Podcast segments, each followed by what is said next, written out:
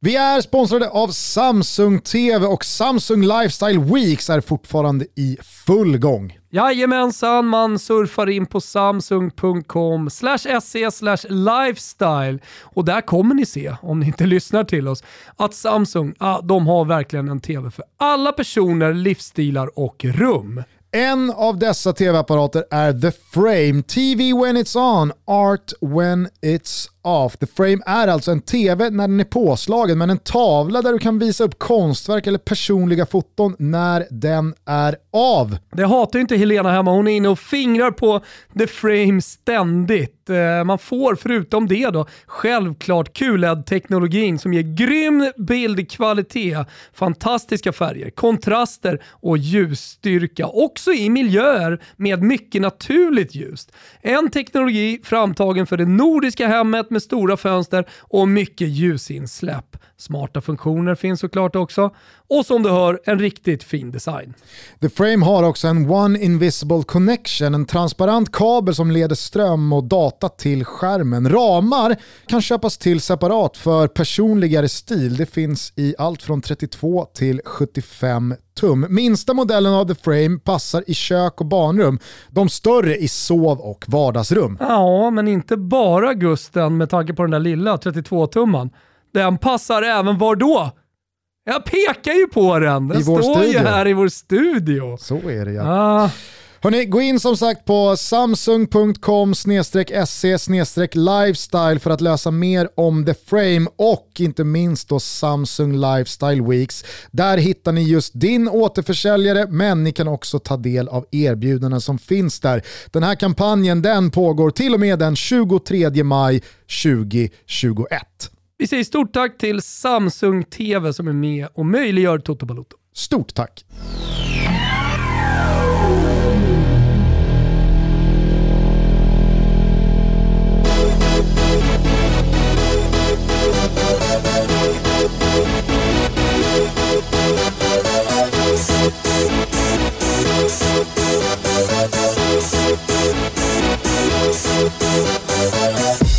For this?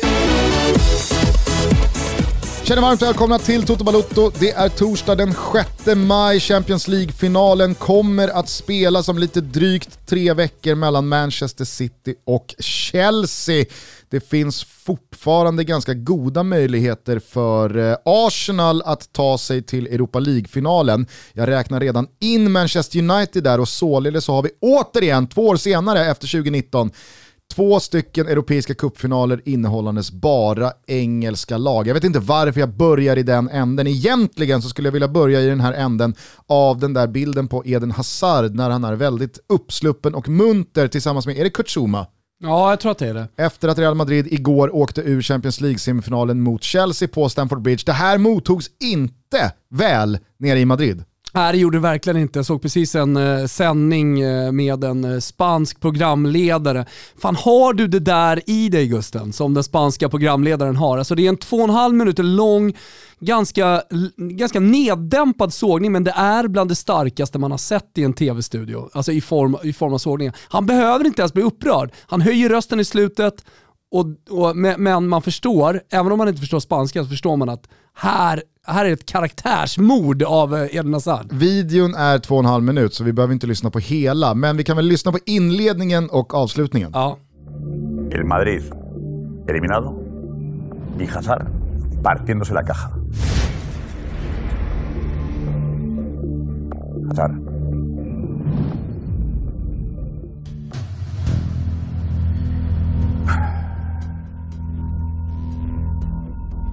Dos años tomándole el pelo al madridismo.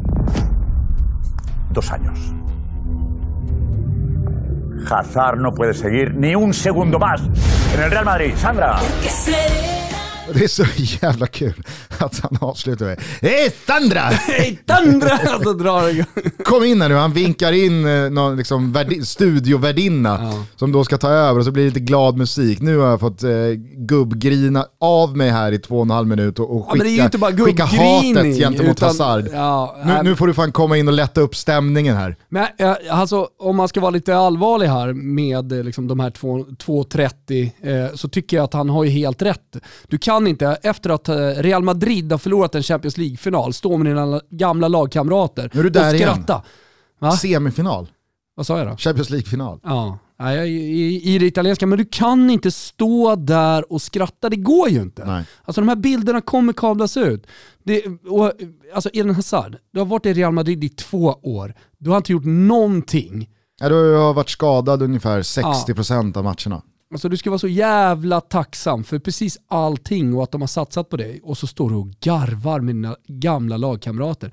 Det här är inte Atalanta som har tagit sig till en Champions League-semifinal. Det här är fucking jävla Los Galacticos som har, som har gjort det. Och eh, efter den prestationen också, hans egna prestation. Och efter hans två år, alltså det här blir ju på något sätt symbolen för Eden Hazard i Real Madrid den här matchen. Och det där jävla grinet efter. Mm. Nej, jag vet inte om du såg eh, hur scenerna artade sig på inneplan på Nya Ullevi för några veckor sedan när Blåvitt hade slagit AIK. Eh, Då var- sprang ju Hossam Aiesh fram till Sotte. Eh, De eh, delade ju ett par fina år i Östersund, men nu hade AIK precis förlorat klart och tydligt mot IFK Göteborg med 2-0. Kolbeinn Siktorsson hade gjort båda målen och Gnaget hade stått för en riktig klappkass insats. Då är det liksom inte läge för Hossam Aiesh att eh, jogga över mot Sotte, säga någonting, jag, jag har inte liksom hört eller sett ordagrant vad han säger, men det lär väl vara någonting gladlynt i stil med liksom, aj då kompis, oj då. Ja men ska jag skoja lite? Och Ja. de har säkert en jargong eh, och haft en jargong inför matchen. Och de är säkert jättepolare och har eh, frekvent kontakt och så vidare. Men eh, Aiesh läser ju den situationen helt fel. Eh, Sotte brinner ju av och knuffar undan Aiesh att det är inte läge nu att liksom, eh, ge mig någon kram här och skratta och skoja lite och, och reminissa kring våra bra tider ihop. Och, och, och, och, och då är det i andra omgången av allsvenskan, i Europas 24 högst rankade liga. Alltså, och, och, och jag som tittar på känner själv, exakt som Sotte känner, är ju så man tänker. Jo, och så att- känner man, vad, vad håller Aiesh på med? Liksom? Hade Sotte i det där läget kramats med Aiesh, garvat lite, kommer du ihåg när vi slog eh, Hertha Berlin på bortaplan, eller vad det nu är, ja, men då, hade ju, då hade ju hundratals, tusentals AIK-supportrar blivit asförbannade med all rätta. Jag gör det där själv med kompisar som är supportrar till andra Stockholmslag och andra ri- rivaliserande klubbar så att säga till AIK. Att så här, på slutvissla man har vunnit 2-1 mot Bayern i ett derby. Det är inte så att jag drar ett så här lite lustigt pikskämt till mina Bayern-polare. Utan eh, alltså, då håller man ju käften. Alltså, nej men ärligt, det gör man ju. Eh, visst är det kul att slänga käft och det gör man hela tiden, men på slutvissla håller man inte på och, och liksom trycker ner det. det. Det är för mycket känslor och så här, då går det inte att vara kompisar. Då, kan man då, då, då, får man ju, då får man ju säga upp vänskapen på något sätt. Liksom. Ja, Eden Hazards fiskar lär inte vara iskalla idag i Spanien, men jag tycker inte att det är rätt att börja i Real Madrid och Eden Hazard än den dagen efter att Thomas Tuchels Chelsea har avancerat till Champions League-final. Hållit sin 18 nolla på de 24 matcher Tuchel rattat det här bygget, lagt ännu en elefant eh, under sig och spikat upp huvudet på trofén.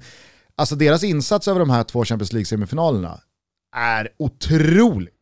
Ja, jag tycker att det, hela resan med Torshäll är otrolig. Sen han kom och fram till den här semifinalen, på tal om, att, på tal om symbolik, eh, alltså de- de 180 minuter man gör, det, det är ju bland det bästa man har sett Chelsea prestera. Ja. Och sen så kan man eh, brasklappa hur mycket man vill om att Zidane gick bort sig taktiskt med något 3-5-2 haveri i första matchen och igår inte fick ordning på Man har sig... 180 minuter på sig att hitta rätt i den här matchen oavsett vad man har för taktik. Exakt, och, och det, det finns eh, skador och bortfall att peka på i Real Madrids sjukstuga jämfört med Chelseas ganska glesbefolkade dito. Men vad fan är det? Alltså det är Real Madrid man ingenting. möter. Sergio Ramos är tillbaka, Benzema frontar, det är Kroos, Modric och Casemiro på innermittfältet. Det är mesta mästarna Real Madrid som alltid i det här läget höjer sig, som har slagit ut Liverpool, som har som har ganska lätt brottat ner Atalanta. Alltså, de som vill mena på att Chelsea har haft en liksom ganska tacksam väg under den här slutspelsvåren med ett tröttkört Atletico Madrid som kom i direkt dåligt slag för dagen och sen fick Porto. Ja, men, när ska det sluta? Kolla mm. på de eh, lag och de tränare och de trupper Tuchel har tagit sig an den här våren sen han tog över. Och kolla på den resultatraden, kolla på insatserna. Alltså jag är så jävla imponerad av detta Chelsea att jag, jag, jag, har, jag har slut på superlativ.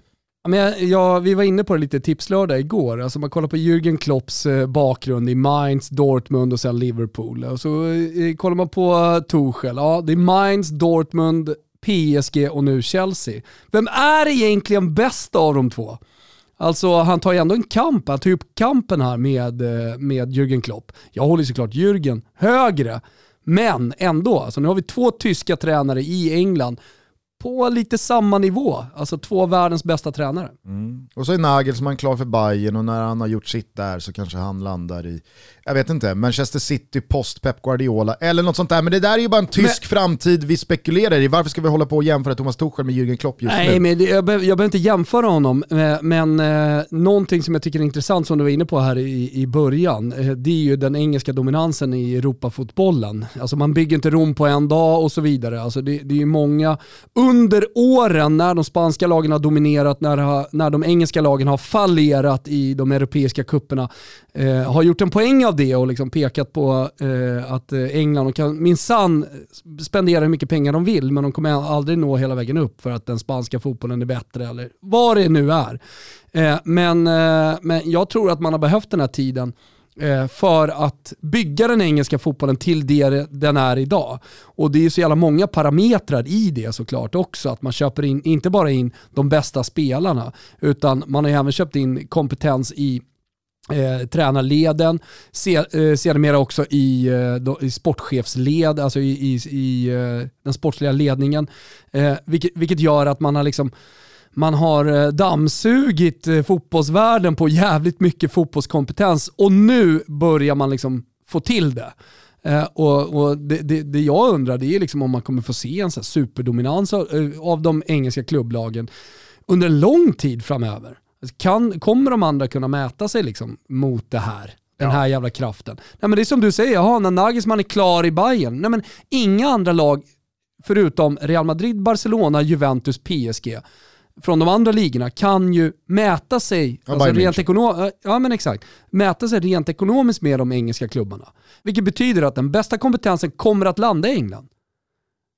Och då, då, då är det ju liksom bara en kamp och då börjar vi landa i den här superligan till slut ändå, eller hur? Jo, jo, visst, absolut. Å andra sidan så är det väl så att, som vi var inne på, jag tyckte Pep Guardiola sa det så jävla bra i eh, efter matchen-intervjun eh, i tisdags att det är så oerhört små marginaler i den här turneringen, i vad som definierar både fotbollshistorien, deras enskilda säsonger och ifall en klubb och en tränare och spelargrupper slutar som eh, ja, men, ikoner och legendarer eller som bara slutar som parenteser och, och, och misslyckanden.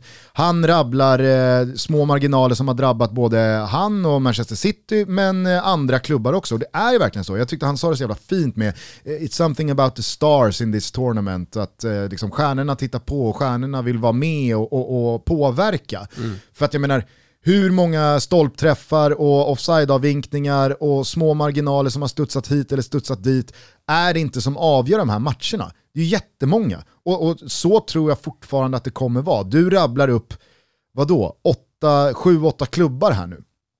Ja men vad, hur, många, hur många vill vi ha?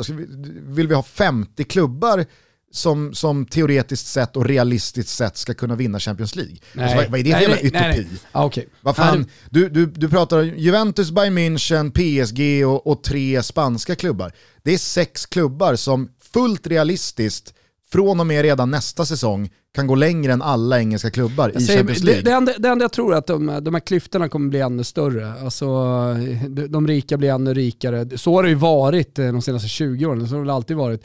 Eh, men det har blivit ännu, mer, eller ännu större klyftor. Och vi kommer, de här klyftorna kommer bara liksom öka, öka, öka. Vilket klyftorna... kommer pusha emot någonting. Jag vet inte exakt Absolut. vad det är, jag vill inte ens nämna superliga. Men, men, men alltså, turisterna de får ännu större turisthattar och, och parasoll och kylväskor. Liksom. Det, de kommer inte. mer och mer in med liksom, husvagnar in i någon jävla lyxresort. Och, och jag, jag, jag är helt övertygad om att det liksom kommer pusha åt något håll. Sen vet jag inte exakt var, men, men eh, jag, det blir inte mindre klyftor. Nej, det är klart. Och, och jag, jag vill inte sitta här och, och liksom, eh, vara, vara löjlig i min, nej men vad fan, det finns inga klyftor och det finns inte några klubbar som kommer dra iväg. Det är väl klart att det kommer vara så. Och över 100 matcher så kommer Real Madrid alltid vinna fler matcher eh, mot eh, Granada än tvärtom. Och Juventus kommer vinna fler matcher mot eh, Lecce än tvärtom. Och Manchester ja du Jo, fattar. jo, men jag menar bara att,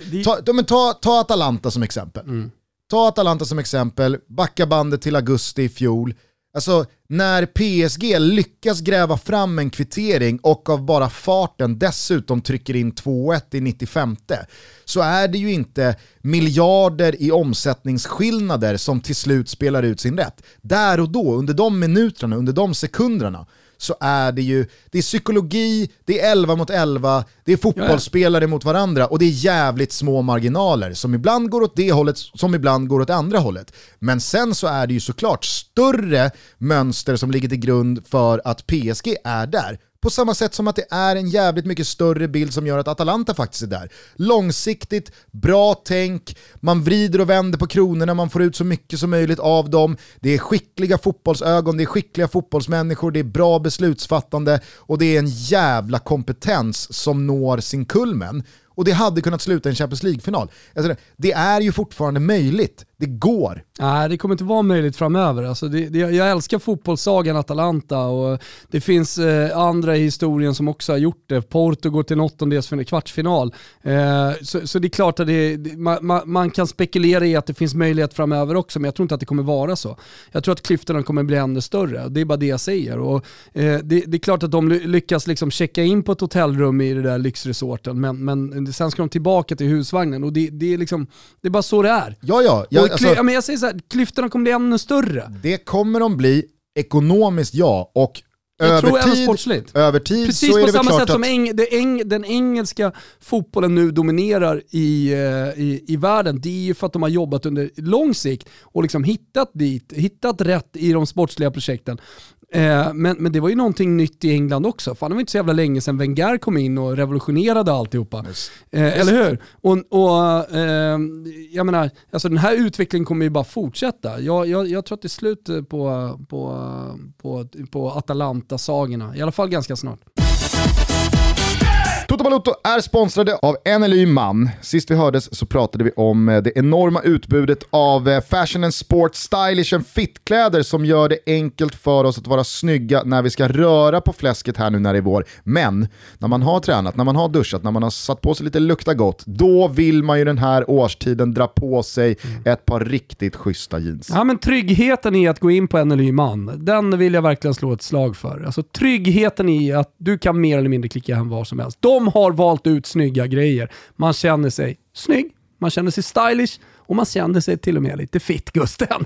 Straight eller loose fit jeans från NLY Man, marknadens mest uppdaterade denimsortiment med variation på både passformar och prisalternativ från de bästa jeansbrandsen finns där. Ja, men favoriterna, till exempel Curtis från Just Junkies, Dash från Dr. Denim, Chris från Jack and Joe's, 501, alltså 501 Gusten från Levi's. Galna jävla 501 som har suttit på Wilbur i tre decennium. Och så såklart eh, Studio Relaxed från Noiv, vad heter de? Noiv? New.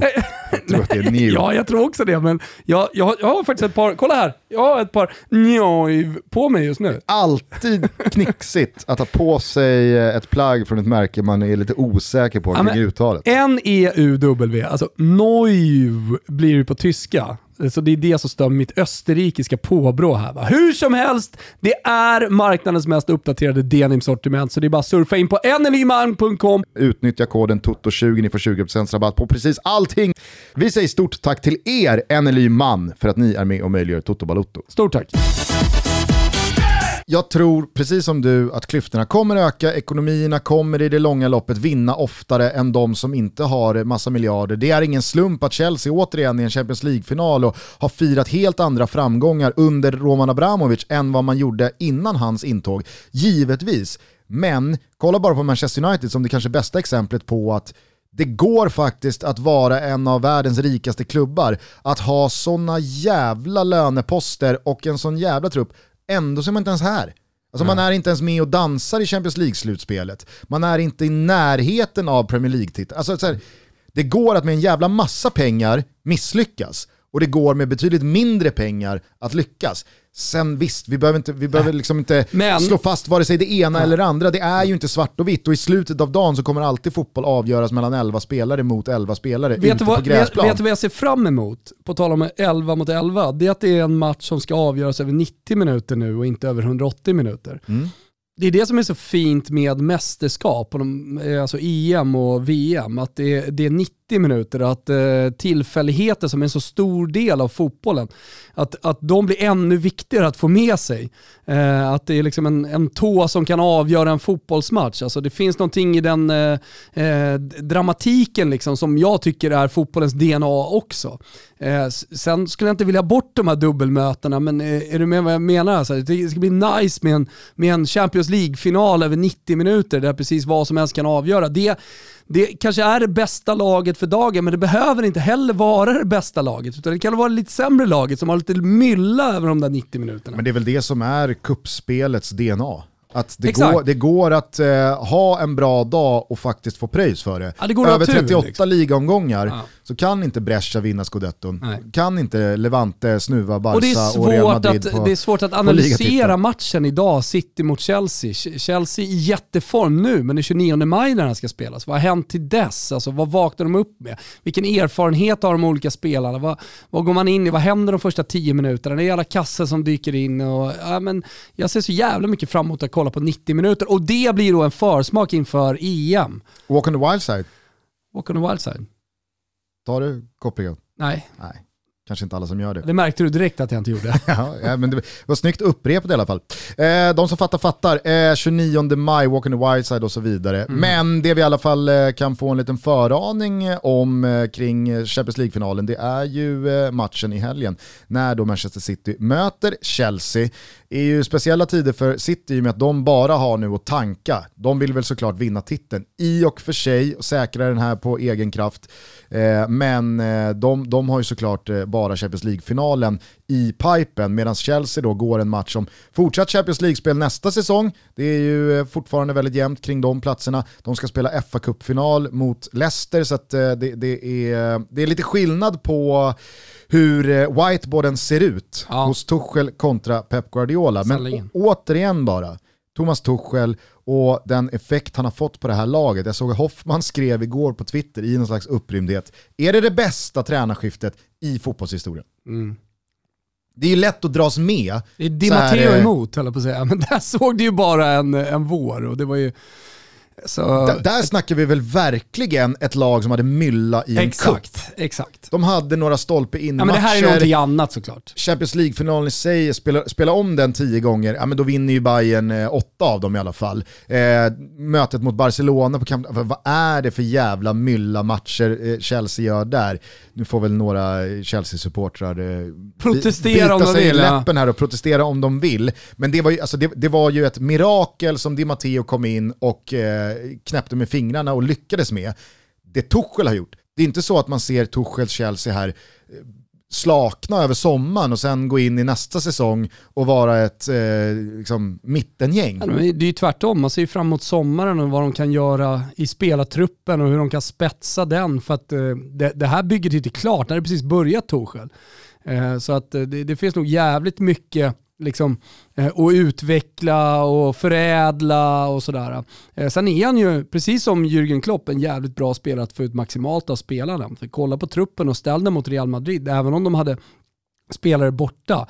Alltså, vi pratar om det där mittfältet med Casemiro, Modric och Kroos. Eh, alltså ställ det mot Chelseas på pappret så att säga, betydligt svagare såklart eh, mittfält. Så, eh, det, det, det, det, kan nog bli en ganska rolig tid för alla Chelsea-supportrar framöver. Om nu inte N'Golo Kanté har sådana här dagar som han har haft på sistone och inte Nej. minst här i dubbelmötet med Real Madrid. För då, då är det ju, alltså han är ju en sån, det är ju världens minsta enmansarmé som dominerar det där mittfältet helt på egen hand. Mm. Ah, han är så otroligt bra igår igen så att det är helt mm. jävla otroligt.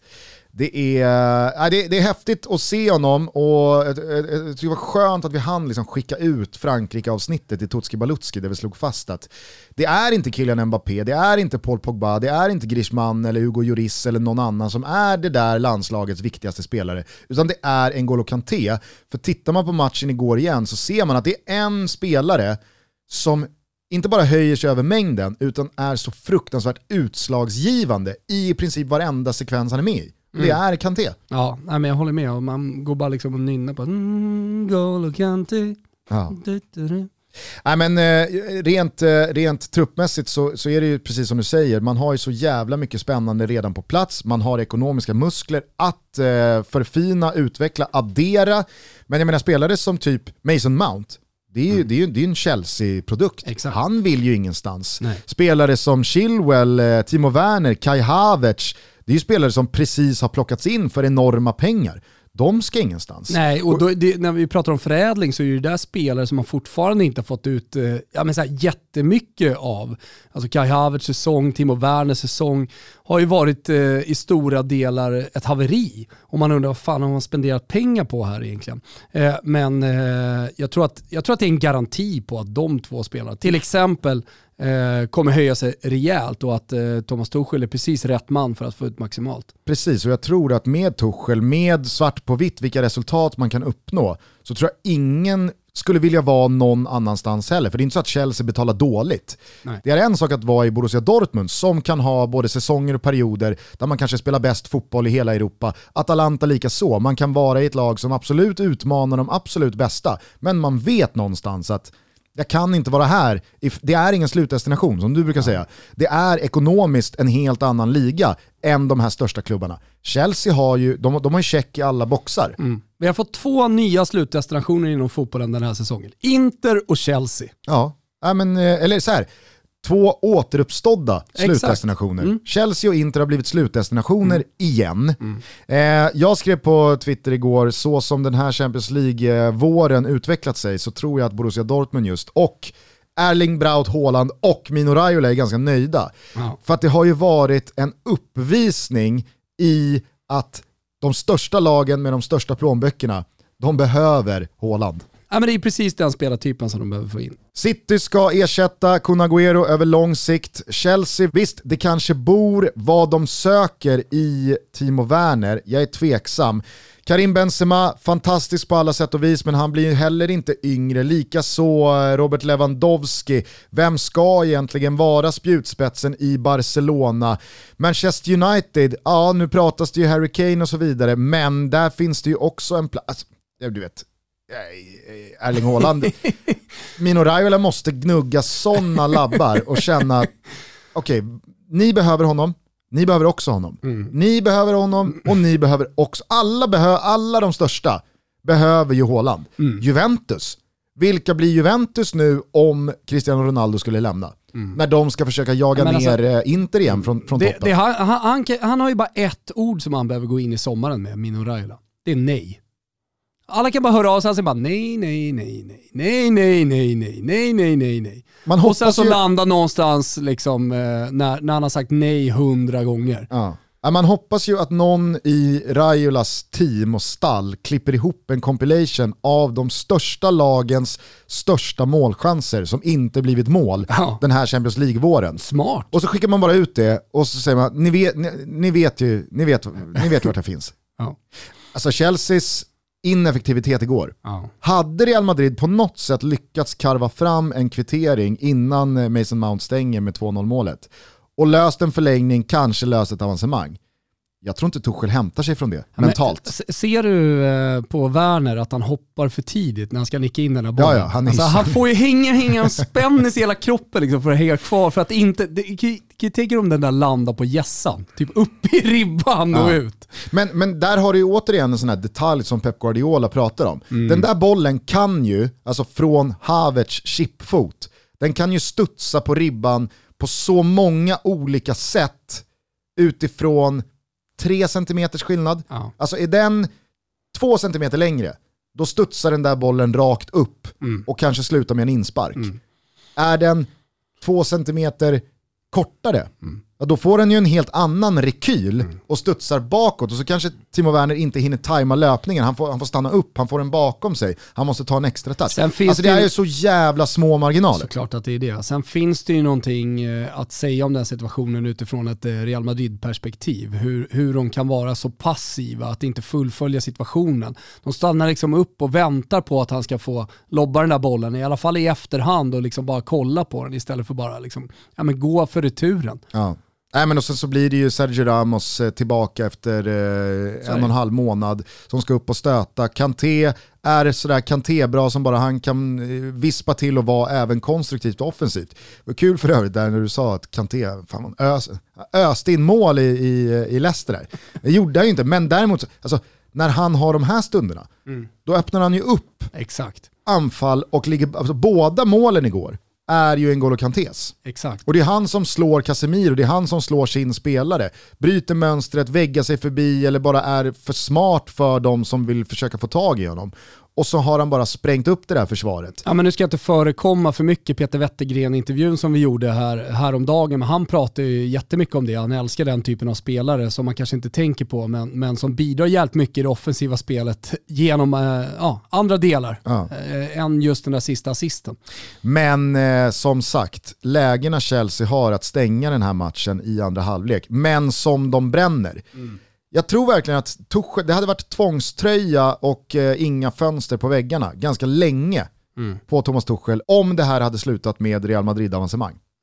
Eh, vad säger vi om eh, Manchester City mot eh, PSG då? Det var en ganska ensidig historia tycker jag. City får ju ett eh, mål ganska tidigt. Förvisso har Marquinhos en boll i ribban och det är väl eh, Di Maria va, som bjuds på ett läge där av Ederson och kan curla in 1-1.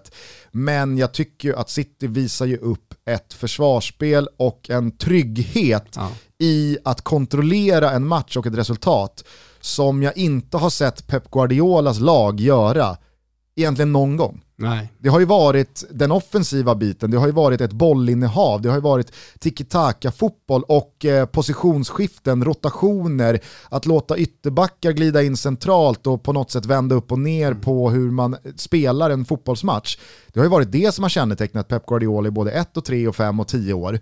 Men nu så var det, ta bollen ni. Ja. Det är lugnt. Ja, vi flyttar det- det- våra block, sen kommer vi ställa om. Kontringen City stänger den här matchen med. Alltså, ta den isolerat, ta bort färgerna Var det på... tre passningar till avslut, sen är det lite stökigt visserligen där. ja. Det är så långt ifrån Pep Guardiola man kan komma, Exakt. rent Men- historiskt. Men det, det, det är väl det då som tar dem till eh, final i slutändan. Alltså dels är det principen och processen och det han har blivit kritiserad för att liksom verkligen anpassa sin taktik ut efter en match, 90 minuter eller 180 minuter utifrån motstånd. Eh, att han har utvecklats på den, eh, liksom, på, på- på den delen också. Och återigen för att föregå en intervju, intervju, men, men att så här ständigt utvecklas.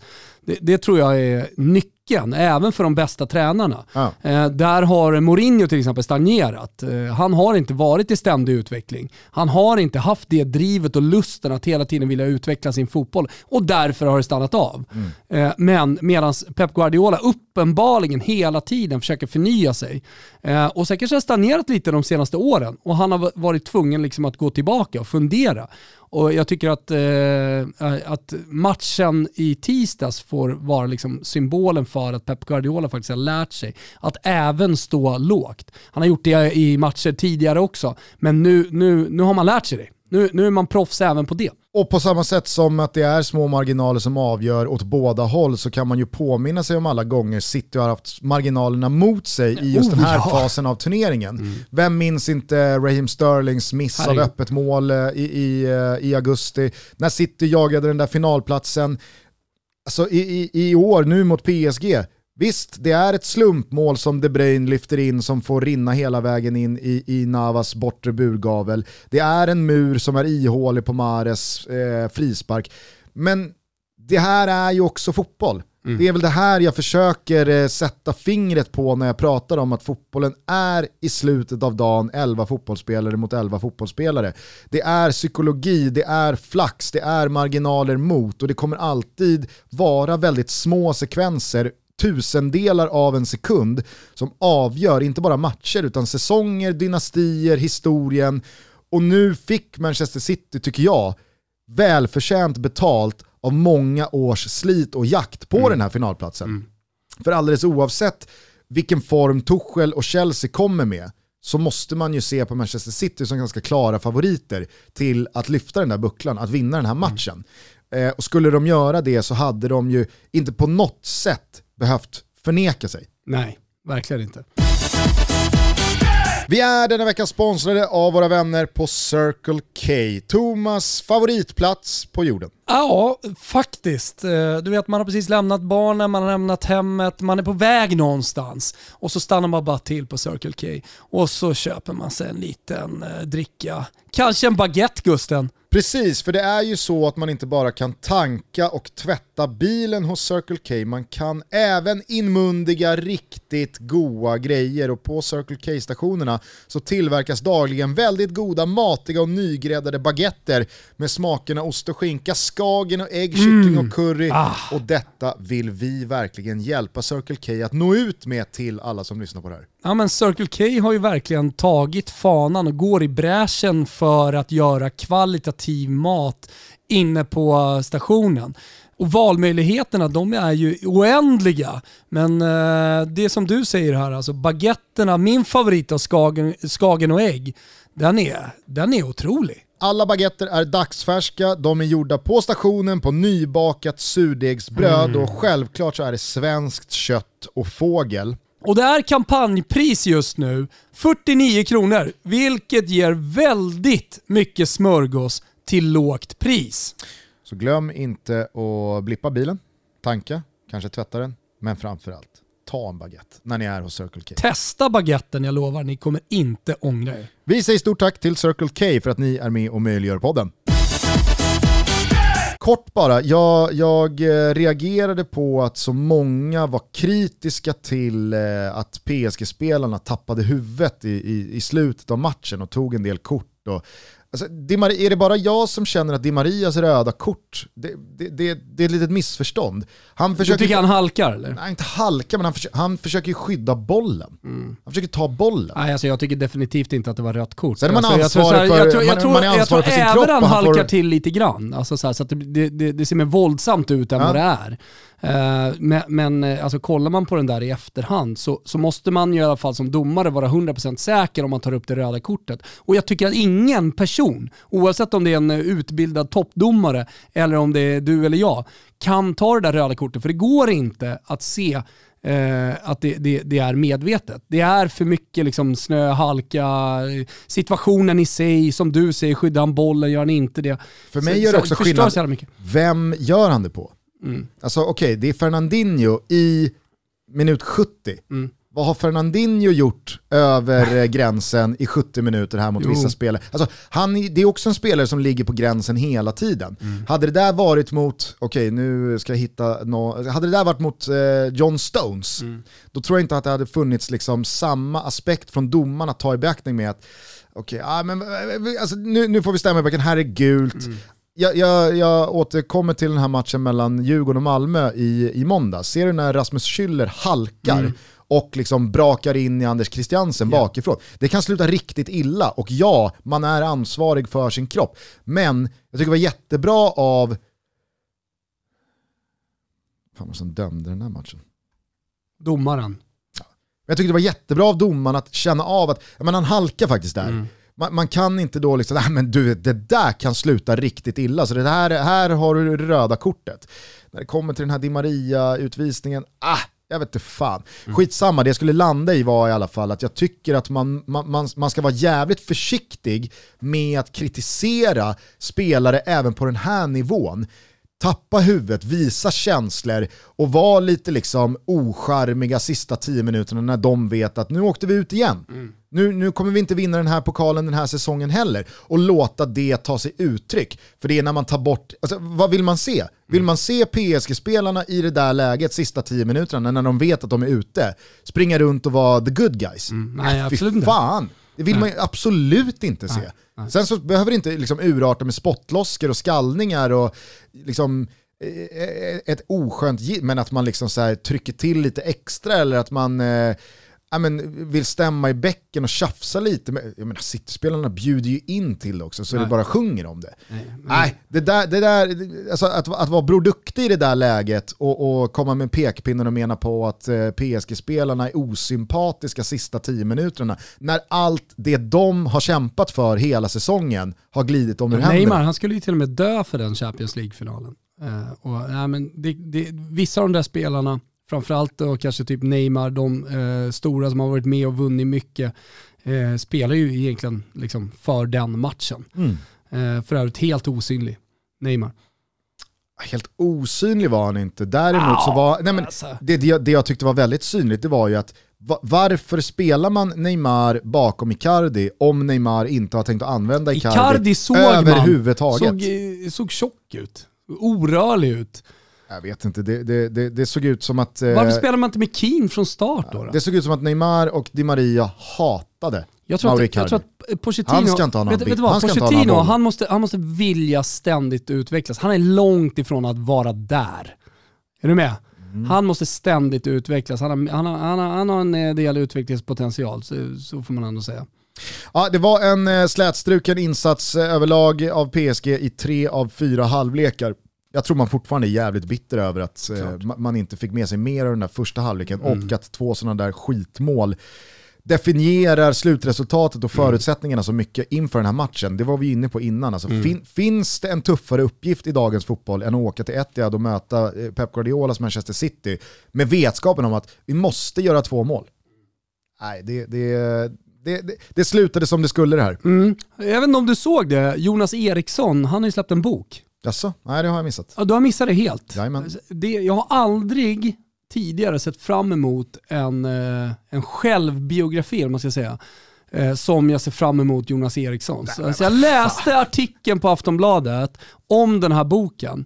Eh, och han, han, han kommer leverera helt filterlöst. Alltså vad, vad spelare har sagt, han kommer nämna namn, han gör det redan i den här intervjun då för att sälja boken givetvis. Men eh, han, man älskar när man får saker och ting bekräftade. I och med att man själv inte står i spelartunneln, man själv inte är ute på planen.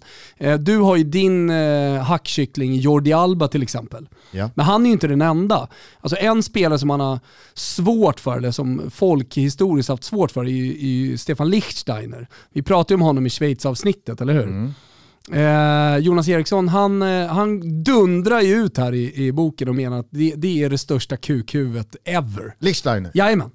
Det, det, Alltså, det gläder mig i och för och, sig. och så här, Men vad, vad, vad gjorde han liksom? Vad, vad var grejen? Nej men det var ju precis alla situationer. För att så här, jag kan köpa det som du säger nu, sista tio minuterna, nu säger inte, nu är inte det citat Jonas Eriksson, men sista tio minuterna PSG-spelarna är frustrerade, ja men de kommer visa sin frustration mot motspelare, mot domare och eh, alla som är på den planen. Det kommer inte vara så snyggt. Nej, eh, grejen med Lichtsteiner enligt Jonas Eriksson, det var att han oavsett liksom om hans Juventus ledde med 4-0, matchen var kvar, så var han ändå en jobbig jävel och höll på att klaga och gnälla och tjafsa genom matcherna hela vägen fram till att matchen var slut och efter matchen också. Det var bara en jobbig jävel att döma som hela tiden skulle hålla på och gnälla och tjafsa. Ja, och du har ju nu, nu blir du intresserad av den här boken, också så här grejer från spelartunnlar, vad säger Zlatan, vad säger Messi, vad händer inför matchen, eh, rena citat. Och han säger, många kommer säga att det där är inte sant, för det kommer vara rätt starka grejer. Alltså, han, han lägger upp ribban på Och hög dire- höjd nu. direkt säger han, men allt jag skriver i den här boken är sant. Det, det, Jo men det är ändå härligt att man han säger, ifrån. jo men det får utgå ifrån det, men han måste ändå försvara sig mot det, han gör det direkt, tydligt. Och du börjar bli sugen på den här boken, jag hör ju det nu. ja, men jag är... En sida jag, av jag, fotbollen, jag, det är som att han, men lyssna, det är som att han har sprungit omkring vid sidan av liksom alla de här toppspelarna. Världsfotbollen, han har liksom varit en fluga på väggen och det är ju du velat vara också. Ja, ja. Och sen så nu levererar han det, det smaskigaste i en bok. Jag säger bara att jag är försiktigt optimistisk varje gång någon säger att jag kommer inte spara på något krut Ja, alls. men jag, kommer har ju redan namn- börjat leverera eh, liksom, Jo, eh, fast saker vad- ur boken. Men, men om någonting han har skickat ut, för det är ju så det funkar, när någon ger ut sin bok, när någon ger ut sin självbiografi, ja men då skickar man ju ut lite grejer till de olika mediehusen, till tidningar och ma- man eh, tar med lite kapitel till, till lite sittningar i, i tv-studios och så vidare. Alltså, det är ju ofta då det bästa man har. För att det ska bli så, så stor Kändes och- inte så här. Nej, men, men så är det ju rent generellt, det vet ju du också. Alltså, ska, ska, Lund, ska Lund lansera eh, en av sina böcker, ja men då kommer han ju inte med det, det, det fjärde Ja, men det var så mest mycket här. Det eh, var ju liksom ett liv i toppfotbollen. Vi pratar ett liv i toppfotbollen, varit en fluga på väggen. Jag säger bara att när, när har han börjat pusha för den här? Det är några dagar sedan eller? Ja, ja. Och inte en enda rubrik har nått mig som ändå är jävligt intresserad i det här skrået och i det här gebitet. ja men det, är det är märkligt kan jag tycka. ändå det kanske är märkligt, eller så är det då för att, okej, hur, hur heta grejer, vad säger Messi i spelargången? Ah, v- vad sa han då? Kom igen nu boys, nu kör vi, nu går vi, ut, nu går vi ut och tar dem. Nej, det är klart han inte gjorde. Nej men vad sa han då? Klart att det finns tjafs, det finns, alltså så här, tänk dig själv när du har varit en domare på den nivån. Ja. Det är klart det finns hur mycket som helst. Ja, ja. Klart det sägs en jävla massa saker. Alltså vad sägs? Jag hur säger bara att sägs jag är det? försiktigt, jag är försiktigt uh, intrigued här. Ja, okej. Ja, du får bara fortsätta vara, kanske är det så att vi ska ta hit Jonas Eriksson. Ja, han får jättegärna komma hit, det vore skitkul. Han inte varit här. Det jag däremot hoppas på att få läsa om det är ju hundratals miljoner han har gjort utanför fotbollen. Och åren med Filip och Fredrik. Ja. Verkar vara en eh, otroligt härlig person eh, även utanför banan. Toto Balutto är återigen sponsrade av Xbox och jag vet Thomas att du har gått och kvittrat här hela veckan. Du har gått och visslat, du har gått och eh, fnulat och gnolat med ett leende på läpparna och bara varit allmänt munter på grund av det här. Ja, men jag älskar Xbox. Jag är, eh, bor i en eh, gamingfamilj. Min äldsta dotter Stella, hon kör Xbox X-series. Min lite yngre dotter, hon kör Xbox S-series. Och för er som undrar så är ju såklart Series S helt digital. Ni håller inte på och pillar med massa skivor och sånt, utan den är helt digital. Det viktiga för mig det är att Xbox är tillbaka, vi är, vi är återförenade och vi kommer faktiskt tillsammans här med ett budskap från Xbox, eller hur Gusten? Ja, de och vi vill slå ett slag för Xbox Game Pass Ultimate. Ni som någon gång har haft den här konsolen framför er och suttit med en kontroll i handen kan ju lista ut vad det här är. Ja, eh, annars kan jag berätta det. Eh, Xbox tar faktiskt eh, gamingen till nästa nivå. Det här är en prenumerationstjänst för spel.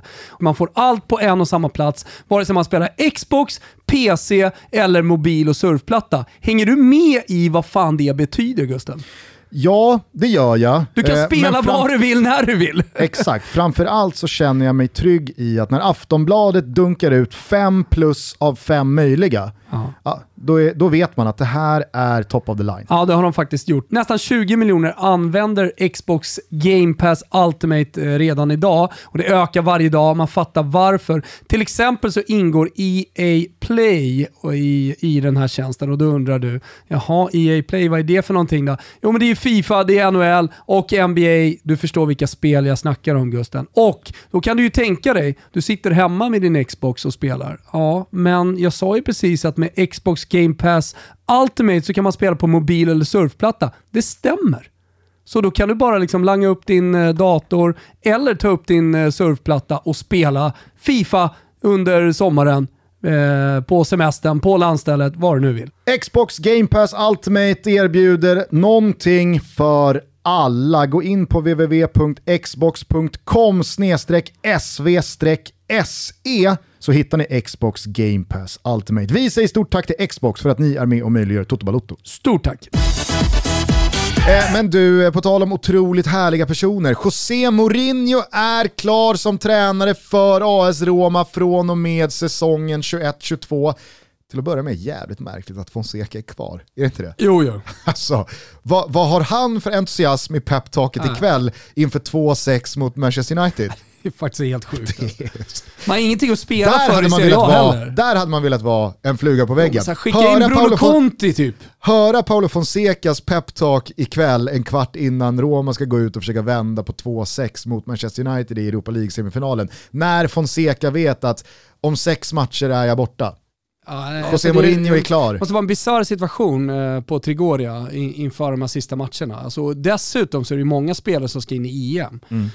Och ja, men Som Janne var inne på, så att man är rädd för skador och så vidare. För att skicka in Primavera-laget med Primavera-tränare. Säsongen är slut, liksom. All, alla väntar på José. Vi har ju pratat väldigt mycket om José Mourinho genom åren i Toto Balutto. Vi har ju många gånger eh, gläntat på dörren till savannen åt honom. Men eh, jag kan ju också väldigt många gånger minnas, bland annat då Juventus borta med Manchester United, när han har liksom kommit in och eh, förändrat saker och ting i Tottenham.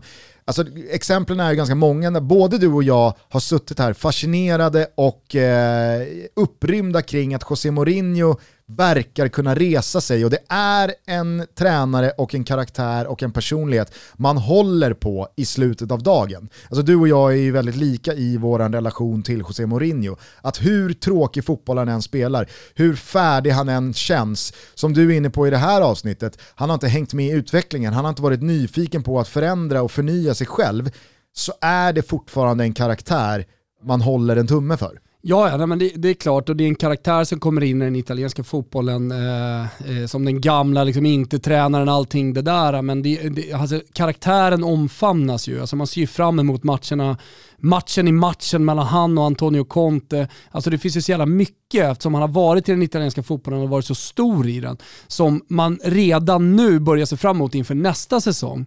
Eh, men, men sen är det också ett, ett intressant giftermål här eh, mellan Roma och deras självbild. Alltså, å ena sidan så kanske världen kollar på dem som ett provinslag på ett sätt eh, i och med att de inte direkt radar upp titlar. Eh, samtidigt som deras egna självbild liksom lever kvar i romarriket när man, när man var liksom, eh, Störst, bäst och vackrast. Ja, man var störst, bäst, vackrast, men man, man, man var helt överlägsna. Ensam alltså, det på är den romerska mentaliteten. De sitter ju bara och väntar på någonstans i Rom, i Romanisti, på att bli störst, bäst och vackrast på fotbollsplanen också. Vänta, det kommer. Vår, vår, våran tid kommer när vi ska dominera fotbollen, för det, det, alltså du föds in där. Det är i en romares DNA. Mm. Och sen så kommer det in en tränare med typ samma DNA. Alltså hur kommer det, kommer det bli, kommer det bli eh, plus, plus minus eller vad, vad, vad kommer hända här? För då, nej men för jag är ganska övertygad om att Mourinho kommer in i det här projektet och, och liksom ja, men ska ta upp kampen om scudetton. Alltså han, har ingenting, han, han ska vinna titlar, det är det han gör. Ja. Eh, det kan vara en Coppa Italia, men han kommer, han, han kommer självklart i sitt eget huvud liksom ha scudetton. Eh, så att, så här, samtidigt som romarna då ser på honom, jag såg Gazzetta dello Sports eh, eh, första sida dagen efter att han blev klar var ju Ave Mo- Mourinho. Alltså att kejsar, Ave Mo, att kejsaren har kommit. Eh, och det är lite så de ser på det. Vi bara vänta på att kejsaren kommer. Nu är kejsaren här, nu kan vi gå ut och vinna alla slag. Julius Caesar Så har står vi där som mästare, Ja. eh, som, som liksom republiken Rom. Det, det är ju det, det, det, är det som jag tycker är så jävla balt med att José Mourinho kommer. För det, det, det, man, skulle kunna, man skulle kunna kalla det för hybris, eh, men det är också ett sätt att, eh, att leva, Ja. alltså för romarna. Det är, ett, ett sätt, eh, det, det, det är en livsstil, det är, det är någonting man bara är. Det finns som sagt i DNA. Vi, eh, vi skickade ut här i, eh, i dagarna hur det lät i Toto Balotto ganska nyligen när du och jag bara satt och spekulerade hur man själv hade känt egentligen ifall man hade nåtts av att Roma och eller Fiorentina hade då fört någon slags diskussion med Fiorentina. Det lät så här.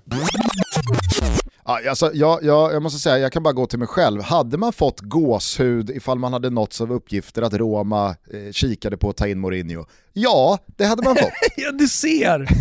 jag, jag, alltså, jag, jag, det hade stått ut på Tänk hela... dig Mourinho i överallt på min Fiorentina. kropp hade det stått ut kan jag säga. Om det är så att eh, om, om Fio hade liksom tittat det hållet skulle de aldrig... Mourinho i Fiorentina, äh, men det är total gåshud i Rönninge. Ja, det är total gås.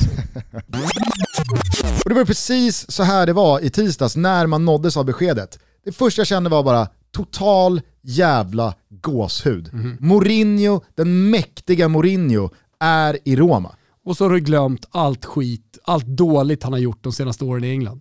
Det är ju någonstans, som vi var inne på kring eh, de ekonomiska klyftorna, det är inte svart och vitt. Det är inte liksom vare sig bu eller bä, eller på det här sättet eller på det där sättet. Jag tror ingen som följt Mourinho eller följt Premier League de senaste åren har, har liksom blundat för eller kan förneka att fotbollen José Mourinhos lag har spelat har varit en fotboll som inte är lämpad för att tävla mot de allra bästa över en lång säsong, över 38 ligaomgångar. Det blir för destruktivt, det blir för passivt, man är för dåliga på att med ett eget konstruktivt spel dominera matcher, vända på underlägen. Man är också faktiskt, tycker jag, för att vara José Mourinho-drivna lag, för dåliga på att bevaka resultat. En gång i tiden, alltså med, med Porto, med Chelsea, med Inter, med Real Madrid, det var, det var ju, det var ju släkt, det var det och, släkt och bommat mm. vid 1-0. 2-0 kanske kom, men mm det, alltså, ledde Chelsea, ledde Real Madrid, ledde Inter, då var det över. Ja, men jag, jag, tycker att det finns en poäng med de kulturella skillnaderna fortfarande. Alltså nu,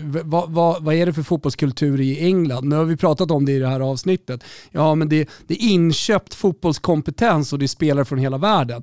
Visst, men det finns fortfarande eh, eh, ganska stora kulturella skillnader. Och det finns en plats, är jag helt övertygad om, José Mourinho, och det har jag varit eh, övertygad om eh, under lång tid, i den italienska fotbollen. Jag har egentligen väntat på att han ska komma tillbaka under ganska lång tid. Mm. Vart förvånad blev Spurs. Eh, han har alltid ryktats till de italienska storklubbarna, eh, men eh, det har aldrig blivit ett giftermål. Men, men så, när han kommer tillbaka här nu så tror jag att det är en fotboll, ett fotbollsklimat, ett sätt att spela på alltså en liga, om man kollar på den rent sportsliga kulturen, hur den italienska fotbollen ser ut, passar José Mourinho betydligt bättre än den engelska. Där har utvecklingen gått snabbare och i, i, Italien har det inte gått lika snabbt. Alltså Finns fotbollen. Och, och, och, därför han kanske, att gå tillbaka lite då, om man får säga att han gör det till, eh, till Serie A, kanske passar honom. Ja, ja, för att jag tror att också han närmar sig att gå tillbaka till sitt gamla jag.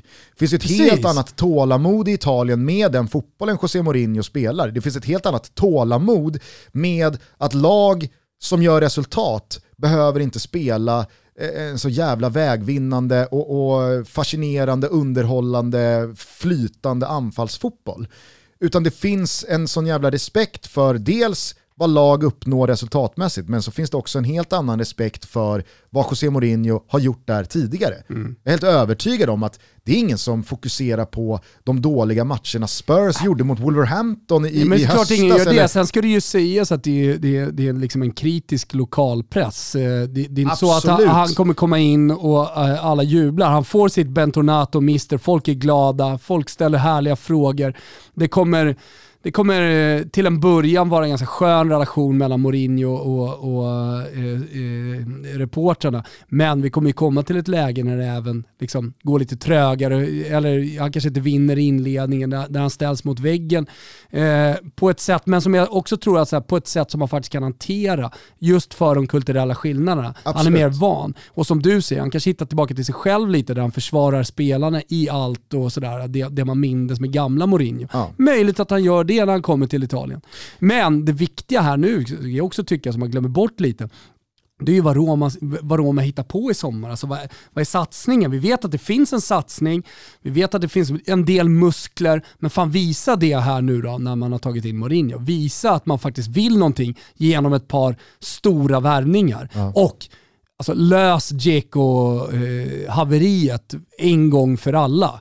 Alltså ska han vara kvar, ja men se till så att han är motiverad. Lirar han med Mourinho, kan han vara kvar, okej, okay, kör då. Annars, gör, gör av med honom, börja på en ny kula. Verkligen.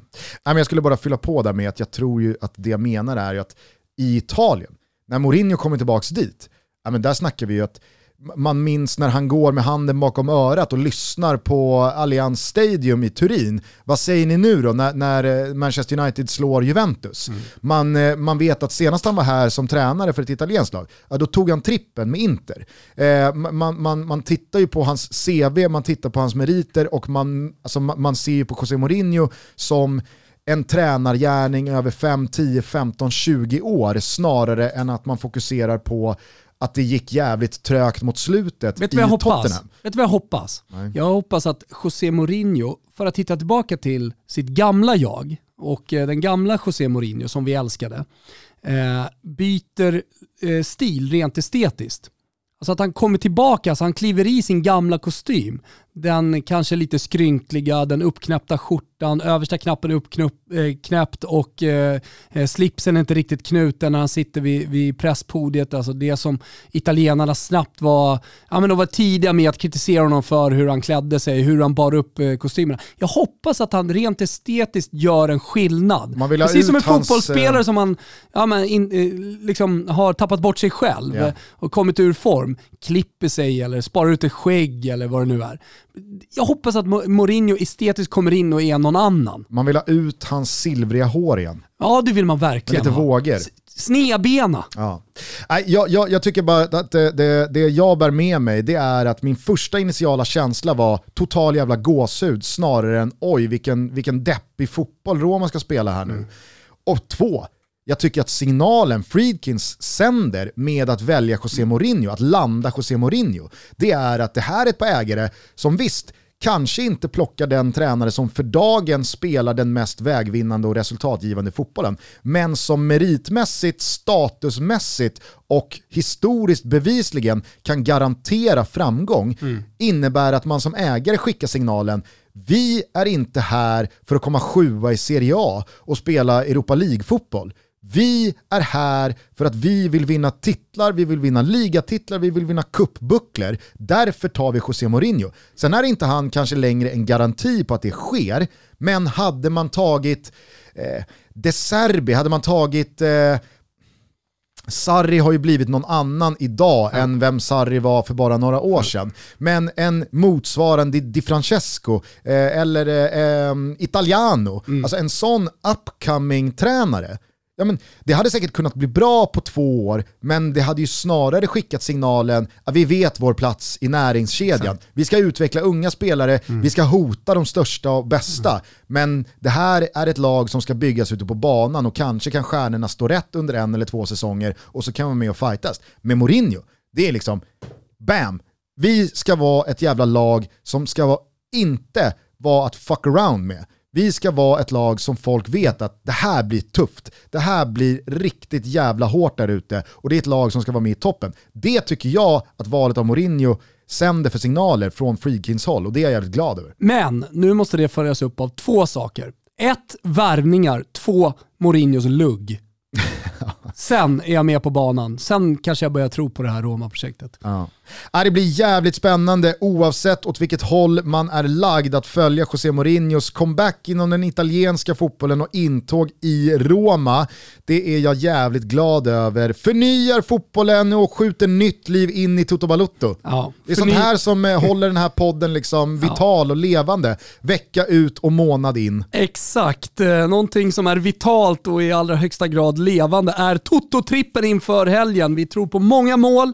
Dels i Fiorentina mot Lazio och eh, i det stora, stora mötet som kanske ska avgöra vilket lag som missar Champions League. Det är mellan Juventus och Milan.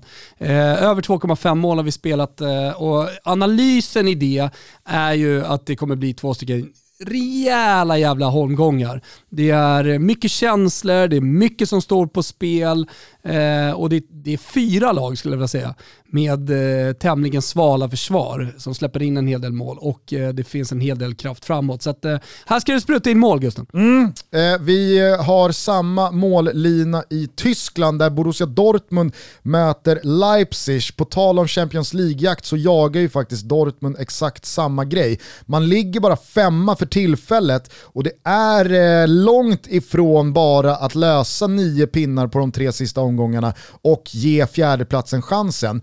Leipzig väntar här nu till helgen, man möter dessutom samma lag i cupfinal om eh, en dryg vecka. Så att jag tror att det bara är att tuta och köra. Leipzig, de har redan säkrat Champions League-spel till nästa eh, säsong. Det är för långt upp till Bayern München. Jag tror att de åker till Dortmund och går före.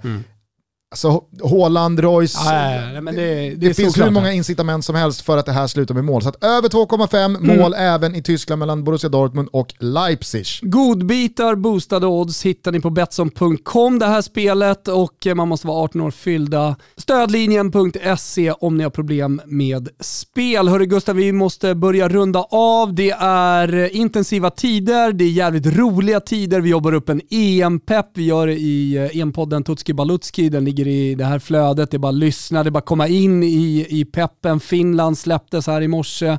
Eh, ugglorna ska flyga i sommar. Precis. Fick också background story på Twitter om ugglorna. Aha. Till en berguv som hade flugit in på plan i, i någon match för typ tio år sedan. Och sen, sen häckade den kring arenan i, i Helsingfors. Ah, okej. Så då fick den en namn och man, liksom, man omfamnade den här ugglan och sen så blev då det, det eh, finska landslaget Ugglorna. Älskar det! Jag fattar. Hörni, eh, innan vi stänger ner butiken så vill jag bara uppmana alla att joina mig och gänget i Fotbollssöndag Europa-studion klockan 20.00 på söndag. Lyssna på den här kvällsmenyn.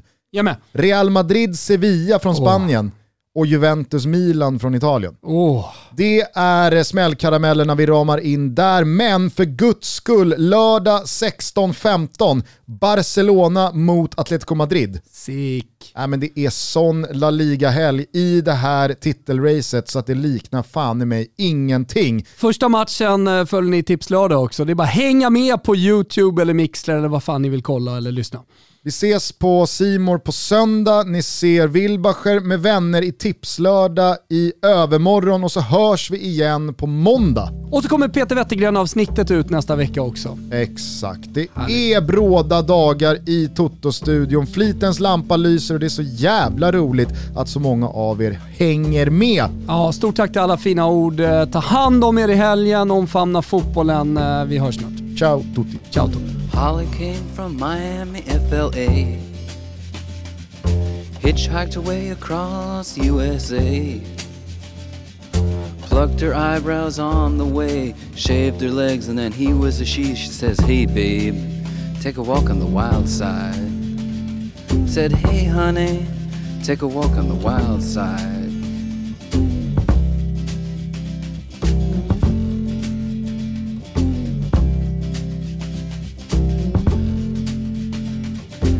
Candy came from out on the island. In the back room, she was everybody's darling.